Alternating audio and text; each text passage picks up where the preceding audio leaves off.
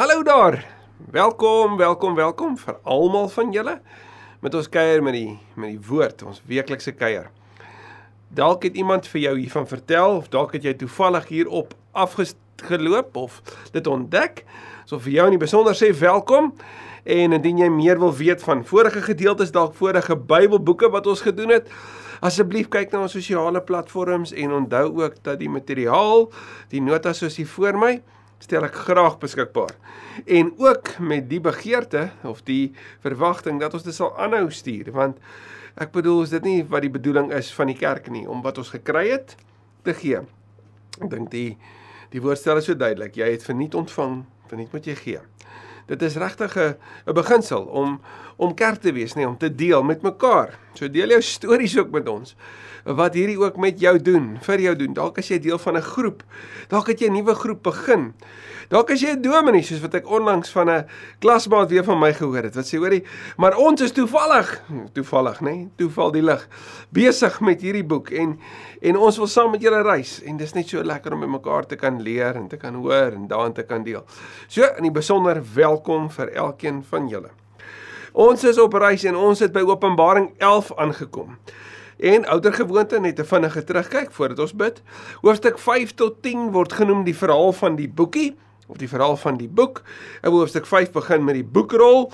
Nou weet ek en jy wat daaruit kom, die seels, die sewe seels wat oopgemaak word oor God se oordeel.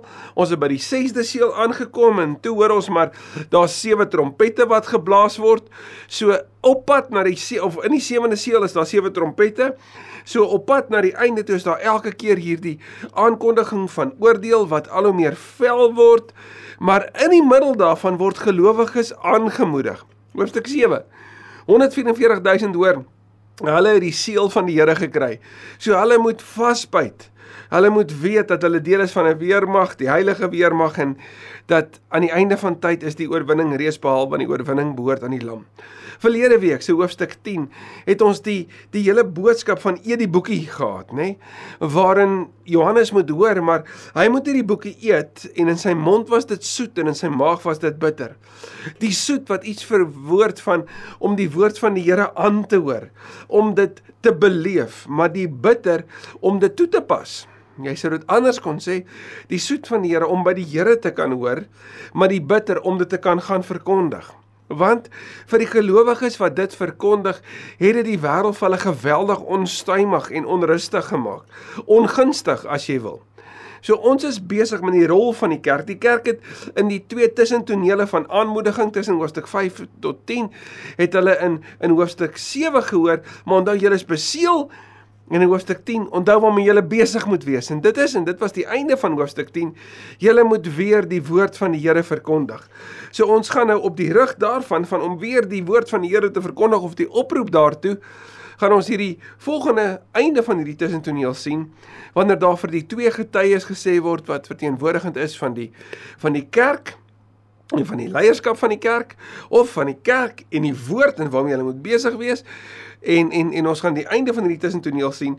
En dan dan kom ons by die hoogtepunt wanneer die sewende seël se sewende trompet geblaas word. En die vraag is wat gaan dit sê is jy opgewonde ek ook kom ons bid dankie Here vir hierdie wonderlike woord van u en vir hierdie wonderlike boek dankie vir die openbarmaking van waarheid in ons lewe van die waarheid Dankie dat ons elke keer in Openbaring sien dat in die aansporing en die troos vir gelowiges is die fokus altyd op die lam. Die lam wat die leeu is, en die leeu uit die stam van Juda wat op die troon sit saam met die saam met die Vader. Dat ons deel is van 'n koninkryk van heerskappy wat oorwin waarin daar genade bemiddel word, waarin daar skoon gewaste klere is, rein mense wat voor U staan, nie omdat hulle dit verdien nie, maar omdat U dit vir hulle gegee het. Dankie dat ons vandag ook kan weet dat wanneer ons glo en wanneer ons bely dat Jesus die Here is, dan word ons deel van hierdie familie, van hierdie heilige weermag, van hierdie fokus op dit waarmee U besig is. Praat asseblief met ons ook, Gees van die Here, en lei ons ook hierin. Amen. Goed, Openbaring hoofstuk 11. Ons lees van vers 1 opskrif die twee getuies. Toe is daar vir my 'n meetstok gegee wat soos 'n septer lyk en daar is vir my gesê: Staan op en meet die tempel van God en die altaar en die mense wat God daar aanbid. Nou ek en jy het mos nou al gesien Openbaring se apokaliptiese materiaal staan ook op die rug van apokaliptiese materiaal wat ons in die Ou Testament kry. Ons het al baie van Daniël gesien verlede week iets van die Segiel weer beleef. En hierdie natuurlik ja, net soos in die Segiel. Jy gaan die Segiel 42 tot 44 hiervan lees. Jy gaan ook iets hiervan beleef in Sagaria hoofstuk 2. Nou die meet van die tempel is uiteindelik om iets te kom vertel van die gelowiges wat God aanbid. Want dis ons wat die Nuwe Testament vir ons kom sê. Die tempel van die Here is nie 'n gebou nie. En dis nie 'n tent nie. Dis nie 'n sinagoge of 'n struktuur nie. Dis mense. Dis waar hy kom aanbid en dis dit dis waar hy kom woon. En daar word vertel van meet die mense En die altaar, nou die altaar is die plek waar daar geoffer word. Dis daar waar die ware aanbidders kon inkom. In die tempel was dit om nader te beweeg na die allerheiligste toe. So nou praat ons van gelowiges wat wat in hulle toewyding naby aan die Here leef, wat met hulle lewens offer om aan God eer te bring. Ons het al voorheen gesien dat loffe offer is, dat gebede 'n offer is, dat dat dit soos wierook voor die tempel van wel voor die troon van die Here verskyn. Wel nou meet die tempel, daar waar geoffer word en natuurlik die mense wat vir God daar aanbid. Vers 2 sê Maar die voorhof wat buitekant die tempel is en dit is nou waar die besoekers en die heidene bymekaar gekom het. Dis ook daar waar Jesus byvoorbeeld die die die tafels omgooi waar daar handel gedryf was want dis nog nie waar jy deurgaan na die plek waar die altaar was en waar daar offer gebring word en waar jy nader aan God kom nie. Dis nog as dit waar aan die buitekant. So die voorhof wat buitekant die tempel is moet jy heeltemal uitlaat en dit nie meet nie omdat dit aan die heidene oorgegee is en hulle sal die heilige stad 42 maande lank vertrap Nou hier kan ek en jy iets sien van wat in Jerusalem gaan gebeur wanneer die ongelowiges, wel ons weet die tempel is later fisies ook verwoes. Maar wanneer die ongelowiges en die ongelowiges kan ook vanuit die Jode kom, nê? Hulle wat nie glo in Christus as die Here nie, wanneer hulle die kerk vervolg en letterlik die kerk te nakom en ons gaan sien hoe hierdie oordeel teenoor die kerk al hoe veller word. En nou staan daar dis wat hulle doen. Jy moet jy moet hulle heeltemal uitlaat. So weet dat hierdie wat nie glo nie, hulle wat die kerk te nakom, hulle wat wat nie deel is van God se plan nie, jy moet hulle nie meet nie want my boodskap waarmee ek nou besig is Johannes is vir my kerk, vir my tempel. My boodskap van aanmoediging. Want sien, die tempel of die voorhof, die deel wat wat aan die heidene behoort het, dis weggegee want hulle sal die heilige stad 42 maande lank vertrap. Nou 42 weer vir jou en my verwysing na 7 maal 6 wat iets van die volledigheid maar ook die gebrokenheid vertel wat vir jou en my iets vertel van die lyding wat ingeperk word vir die gelowiges. Dat hulle lyding nie vir altyd aanhou nie, maar dat dit ingeperk word. So hierdie is 'n beskrywing wanneer daar gepraat word van die heilige stad as die kerk in die eindtyd, dat hulle vervolg sou word, En vir Johannes is dit 'n bron van hoop om vir sy sy sy lesers, sy hoorders te sê maar terwyl julle terwyl julle vervolging beleef, byt vas. Soos hy vooroor moes hoor, nog net 'n klein rukkie. Petrus skryf ook mos gereeld daaroor ook. Vers 3. Ek sal aan my twee getuies opdrag gee en hulle sal met, met rou klere aan my boodskap 1260 dae lank verkondig. Hierdie twee getuies word daaroor wyd gespekuleer. Sommige bereken dit gaan oor leierskap in die woord. Waaroor dit ook al sê, ons kry vanuit die Ou Testament die volgende wat belangrik is. Die twee getuies is dat een getuie word deur 'n ander se getuienis bevestig en dit beteken dit maak dit waar. Daarom in Lukas 10 stuur Jesus hulle 2-2 uit sodat die een deur die ander bemoedig kan word, maar sodat die een ook die ander een se getuienis kan bevestig, kan bekragtig om te kom sê dat dit waar is. Ander reken nee. Hierdie twee getuies dui op Moses en Elia. Jy weet, hulle is natuurlik die twee getuies op die berg van verheerliking, nê? Jy gaan dit daar uit Lukas uitkry dat hulle by Jesus verskyn daar in Lukas 9. En en jy gaan sien dat dat dit dit kom vertel dat Jesus die vervulling is van Moses die simbool van die wet, Elia die simbool van die profete. So Jesus is die vervulling van die ganse woord van die ganse Ou Testament. Alles loop uit op hom. Hy is dit waarop oor dit gaan. En en en sou dit daarop kon dui? Dit sal 'n waarskynlikheid wees, 'n baie sterk moontlikheid ten minste, Maar die belangrike is dat jy sien dat hierdie getuies het rou klere aan. So hulle getuienis, hulle boodskap is nie net hoorbaar nie, dis ook sigbaar vir ander om te sien. En in die rou het te doen natuurlik met die vervolging wat die gelowiges beleef. En hulle moet hierdie hierdie boodskap moet hulle kyk mooi in 1260 dae lank verkondig. Nou weer eens Openbaring gebruik simboliese taal. Nou 1260 dae dui presies op die tydperk van 3 en 'n half jaar. 3 en 'n half jaar as jy jou Ou Testament ken, sal jy weet is die tyd waarin Elia gebid het en toe dit nie gereën nie. Jakobus 5 sê dit gelees dan vers 17 ook dit. En 3 en 'n half jaar later het dit gereën. So dit kan verseker daarop dui. Dit kan dui op hierdie 42 maande waarvan daar voorheen gepraat is. Nou 42 maande maal met 30 dae in elke maand is 1260 dae.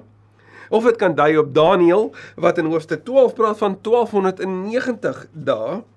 Hoe dit ook al sê, daar's 'n spesifieke simboliese getal waarin daar ten tye van teenkanting, soos in Elia se geval ook, daar steeds die werking van die Here is. Miskien in 'n onverwagse tyd, 'n ongunstige tyd vir die gelowiges, is die Here aan die werk en moet die gelowiges nie moet verloor nie. Vers 4 Hulle is die twee olyfbome en ook die twee lampe wat voor die Here van die aarde staan. Voor die Here van die aarde in die Latyn staan daar coram deo om te lewe voor die aangesig van God. Hierdie twee lampe verwys waarskynlik na gemeentes en die twee getuies sou dus dit bevestig. Dit hak natuurlik by Lukas 10 se 2:2 uitgestuur. Die belangrike is en so reken baie van die kommentare dat daar eintlik vir die kerk in terme van leierskap en in terme van en as ek sê leierskap hoor daar in diens diensknegte en in terme van gelowiges gesê word maar julle julle moet vasbyt as lampe as olyfbome moet julle vasbyt. Vers 5. As iemand hulle kwaad wil aandoen, kom daar vuur uit hulle monde uit en verteer hulle vyande. Sjoe, dit klink soos Elia se optrede daar in 2 Konings 1 vers 10 waar hy praat van vuur wat hy uitroep om mense te verteer, nê? Nee? Soos iets van God se oordeel. So terwyl die kerk hulle werk doen en onderdruk word, kom sê die Here hy's nie blind daarvoor nie. Kom sê die Here, hulle wat die kerk leed aan doen, hulle gaan gestraf word en hoor dit. Ons was iemand hulle kwaad wil aandoen en hierdie is 'n aanmoedigende woord vir die kerk om nie op te hou nie. Kom daar vuur uit hulle monde en verteer hulle vyande. So moet elkeen doodgemaak word wat hulle kwaad wil aandoen. Natuurlik is hierdie 'n figuurlike beskrywing van die oordeel van die Here. Maar vir die kerk 1 Johannes 4 vers 4 Hy wat in my is, is groter as hy wat in die wêreld is. 2 Timoteus 1:7. Die Gees vir die Here vir ons gegee het, vul ons nie met vrees nie, maar gee ons vul ons met liefde, krag en selfbeheersing.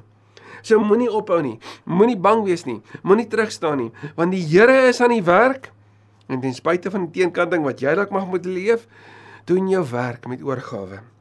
Vers 6: Hulle het die mag om die hemel toe te sluit sodat daar gedurende die hele tyd wanneer hulle God se boodskap verkondig, geen reën sal val nie. En dan nou Elia dan 1 Konings 17 tot 19.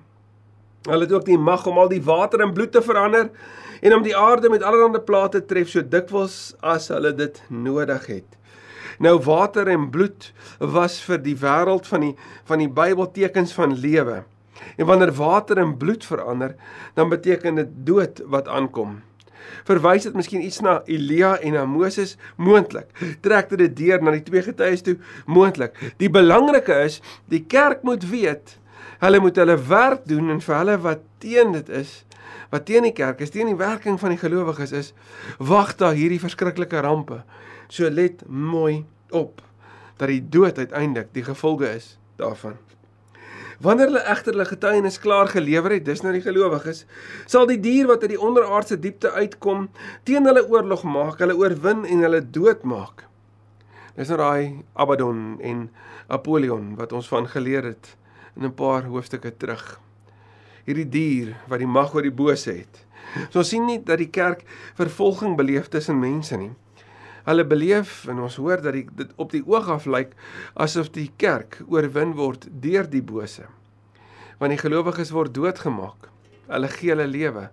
En op die oog af sou jy dit kon sien as 'n totale tragedie. Asof dit nou stil is. Want daar word vertel dat hulle doodgemaak gaan word. Hebreërs 11 het hierdie groot lys van geloofshelde. En dan reg aan die einde van Hebreërs 11 gaan ek en jy lees en ons is nie lief daarvoor om goed altyd tot op die einde te lees nie, maar dit is dalk goed om dit vir 'n slag te gaan doen.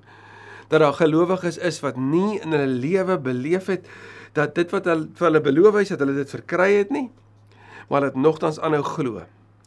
Dis van hierdie gelowiges waarvan daar nou gepraat word. Hulle wat nie as dit ware 'n rooi strikkie op elke storie gehad het nie, maar dit vasgebyt. Op die oog af lyk dit of hulle verloor het baie so stil Saterdag na Goeie Vrydag. Maar let op. Hulle lyke sal in die hoofstraat van die groot stad lê waar hulle Here ook gekruisig is. Dis met ander woorde gelowiges wat vervolg is in Jerusalem. Die stad word sinnebeelding van Sodom en Egipte genoem, plekke van slawerny en verwoesting. Mense van alle volke, stamme, tale en nasies sal hulle lyke 3 en 'n half dae lank sien daar lê en nie toelaat dat hulle begrawe word nie wat 'n absolute vernedering vir die gelowiges. Gaan lees gerus wat sê Psalm 79 vers 1 tot 4 hieroor. Dis amper 'n woordelikse beskrywing van wat hier gebeur. Die bewoners van die aarde, dis nou die ongelowiges, sal bly wees oor hulle dood en hulle daaroor verheug. Hulle sal vir mekaar geskenke stuur. Dis tragies en In die tyd van die Purimfees na die ballingskap in Babelonie, het die gelowiges teruggekom en hulle het mekaar geskenke gegee om iets te vertel van die oorwinning oor die vyand, oor die onderdrukkers. Hierdie is amper 'n baie donker ander kant van van die Purimfees. Want nou word daar fees gevier nie oor onderdrukking nie, maar omdat die gelowiges dood is. Omdat gelowiges hulle lewe gegee het. So die bewoners van die aarde juig daaroor. Hulle stuur mekaar geskenke. Hierdie twee profete, nou word die twee getuies wat dalk Moses en Elia verteenwoordig, wat die kerk en leierskap verteenwoordig, nou word hulle profete genoem. So hulle is die verkondigers van God se woord, van God se wil. En dis natuurlik wat ook met die profete gedoen is in die Ou Testament. Hulle is vervolg omdat hulle die waarheid verkondig het. Hierdie twee profete was immers vir die bewoners van die aarde tot 'n tuistering. Sjoe. Nou laat dit my nogal dink aan Johannes die Doper wat die waarheid verkondig het, maar letterlik sy kop verloor het. Maar die beste voorbeeld van almal julle, Jesus die Here, wat die waarheid verkondig het, maar 'n tuistering was vir die ongelowiges. So was sodat hulle hom doodgemaak het. En wat het met Jesus gebeur? Op dag 3. Hoor mooi wat gebeur met gelowiges. Want die storie wat op die oog af lyk na totale tragedie, na 'n doodse stilte, na hartseer. Herinner my aan 1 Korintiërs 15 vers 19 wanneer Paulus sê dat as ons tot in net in hierdie lewe ons hoop in Christus vind, is ons die ek dink is vers 18, is ons die bejammerenswaardigste van alle mense. Die bejammerenswaardigste as dit net hier eindig. As die dood net tot hier kom, as die lewe hier stop. Maar dan sê hy maar nou, Christus het opgestaan. Hoor mooi. Na die 3 en 'n half dae het daar regter asem en lewe van God in hulle ingekom. Hulle het opgestaan en groot vrees het almal oorval wat dit gesien het. In Jesegiel 37 sien ons dat vir dooie bene word daar lewe geroep. Dit is 'n teken van 'n lewe na ballingskap wat in ballingskap gelyk het na die dood kom God en hy sê nee, maar hier's 'n nuwe geleentheid, hier's nuwe lewe. Ek is nie klaar met my storie nie. Vir die kerk wat lyk na aan die einde van tyd as dit daar verwoesting is, dis die einde. Sê die Here nee, ek blaas nuwe lewe in. En wanneer hulle julle sien tot lewe kom, gaan dit hulle met vrees vul. Want ek is nie klaar nie. Hulle hoor toe 'n harde stem uit die hemel vir hulle sê: "Kom op hierheen." Dis nou die twee getuies en natuurlik daai oproep soos God vir Moses gesê het, soos God vir Elia gesê het. Toe het hulle in 'n wolk na die hemel toe opgevaar. Soos Jesus in Handelinge 9, hierdie teen 1 vers 9, hierdie simbool van die teenwoordigheid van God. En hulle vyand het dit gesien. So almal het dit aanskou. Op daardie oomblik was daar 'n groot aardbewing. Soos in Jesegiel 38 met die val van Babylon en 'n tiende van die stad het in mekaar gestort. Nou hoor jy weer die tiende en in hierdie tyd jou kennis van Openbarings of jy sê wat die oordeel word ingeperk alweer. 7000 mense het in die aardbewing oor omgekom en die ander het bevrees geraak en aan die God van die hemel eer gegee. Nou, ek en jy het al in vorige dele gesien dat daar hierdie tragedies gebeur, hierdie rampe gebeur en dat mense nie tot inkeer kom nie. In hierdie geval word 'n tiende getref, 7000 mense, 7 volledig, maar met 1000 volledig, soos 'n simboliese getal, kom om dat mense met angs getref word oor maar dis wie God is en dan tot inkeer kom. 'n Beskrywing van bekering. Vers 14 die tweede wee is verby. Kyk die derde kom. Nou onthou jy in hoofstuk 8 vers 13 het ons daai Griekse woord oai gehoor. Oai, oai, oai van die van die van die arend. Dat ons die tweede wee gehoor. Wat gaan met die derde wee gebeur as hierdie so verskriklik is? En so kom ons by die sewende seël, se sewende trompet, se derde wee die absolute hoogtepunt van hierdie pad waarin die gelowiges tot nou toe hierdie tussentonele van aanmoediging gekry het. Wat sal die sewende seël se sewende trompet se derde wee sê? Gaan dit die grootste oordeel aankondiging wees of gaan dit die mooiste boodskap van aanmoediging wees? So aan hierdie einde van hierdie groot deel van hoofstuk 4 tot 11 wat eintlik een groot eenheid vorm. Kom ons lees. Vers 15 toe die sewende engel op sy trompet geblaas, daar was stemme in die hemel wat hard uitgeroep het: Die koningskap oor die wêreld behoort aan ons Here en sy gesalfde, en hy sal as koning heers tot in alle ewigheid. So sien dit eindig nie met hierdie finale donkerte nie, maar met hoop. En die hoop is die verklaring van die koningskap van die Here oor almal. En kyk, daar word vertel oor die Here en sy gesalfde. Johannes 10:30 sê Jesus hy en die Vader is een.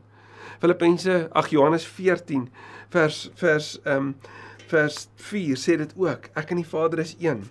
So as jy voor Jesus buig, dan buig jy tot eer van die Vader, sê Filippense 2. En by Jesus se geboorte in Lukas 2, hoor ons hoe die engele dit sing oor sy eer, want hy is waardig. So nou hoor ons dit dat daar stemme is in die hemel wat uitroep en God se se triomf aankondig en en daaroor sing. Die 24 ouderlinge En ek weet nie van jou nie, maar dit voel soos lank terug toe ons daaroor gelees het. Onthou jy in hoofstuk 4 vers 4 hierdie ganse kerk, die Ou Testament, Nuwe Testament bymekaar wat om die troon is.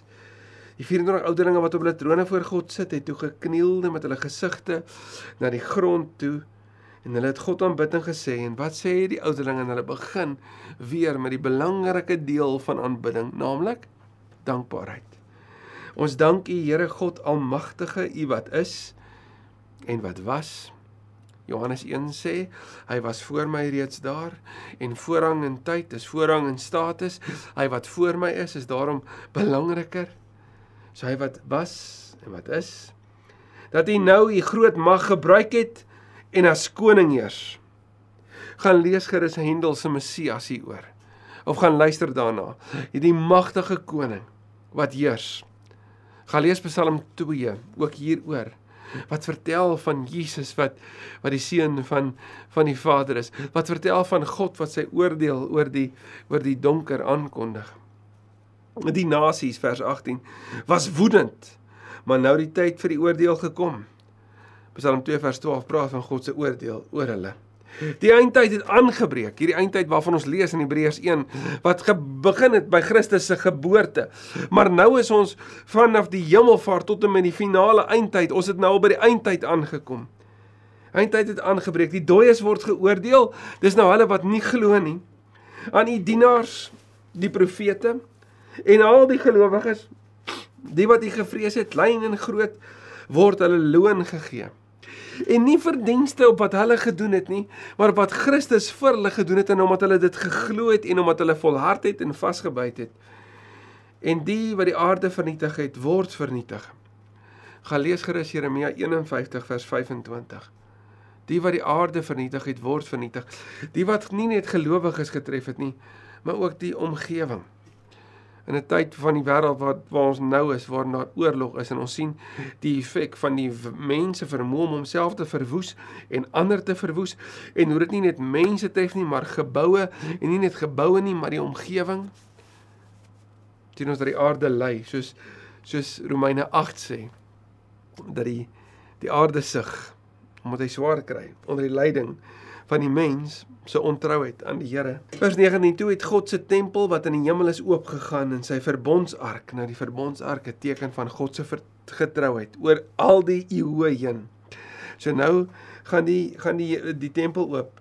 Sy verbondsark wat in sy tempel is, het sigbaar geword. Nou dis in die allerheiligste. En as as Johannes moet meet, dan meet hy 'n vierkant. Ons gaan dit later sien wat 'n so aanduiding is van die allerheiligste. En gelowiges kan vanweë Christus se prys nou in die allerheiligste, daar waar die verbondsark is, ons kan nou daar teenwoordig wees. Hebreërs sê dit. Ons het 'n hoop wat vas is wat aan die ander kant die voorhang sal heen. Nou alreeds daar is vir ons. Nou gaan die verbondsark word sigbaar in sy tempel. Daar het toe weerligstrale, drenings en donderslae en aardbewings en 'n groot haalstorm gekom. Die natuurkragte kondig aan die Here verskyn. En jy gaan dit lees in 2 Samuel 6 en op soveel ander gedeeltes wat jy hier in die nota sal kry. Kom ons som dan hierdie hierdie laaste sewende seël, se sewende trompet, se derde weer op. Gelowiges wat vasbyt. Aan die einde van tyd is daar die mooiste mooiste aankondiging. Die crescendo van die musiek se hoogtepunt sê die leeu en die lam heers. God is koning oor die aarde. Die oordeel het gekom, die gelowiges is gered. In die nuwe wêreld, in die verbondsark, se allerheiligste ruimte word moontlik. En God wat in die Ou Testament in intense vorm beleef is in die allerheiligste, skuif dit nou na sy mense toe en hulle gaan dit kan beleef want hy gaan onder hulle kom woon. Moenie opgee nie. Byt vas. Amen. Dankie Here Jesus vir u woord, vir die aanmoediging, vir die aansporing, vir die soveel stof tot nadenke wat hierdie ook vir ons gee. Dankie vir al die verwysings wat ons vanuit Openbaring kry na die ander dele in die woord wat ons weer honger maak om dit ook te gaan lees. Mag ons nie ophou nie, mag ons volhard. Mag ons ten spyte van ongunstige omstandighede, ten spyte van 'n wêreld wat by tye vir ons so so donker en sleg laat voel en en hopeloos laat voel, mag ons nie moed verloor nie. Mag ons ons kop optel en ons werk om getuies te wees en te vertel van Christus. Al skep dit ongunstige omstandighede om ons om dit met volharding te doen tot u eer in Jesus se naam. Amen. Amen. Ek hoop jy het 'n besondere mooi week.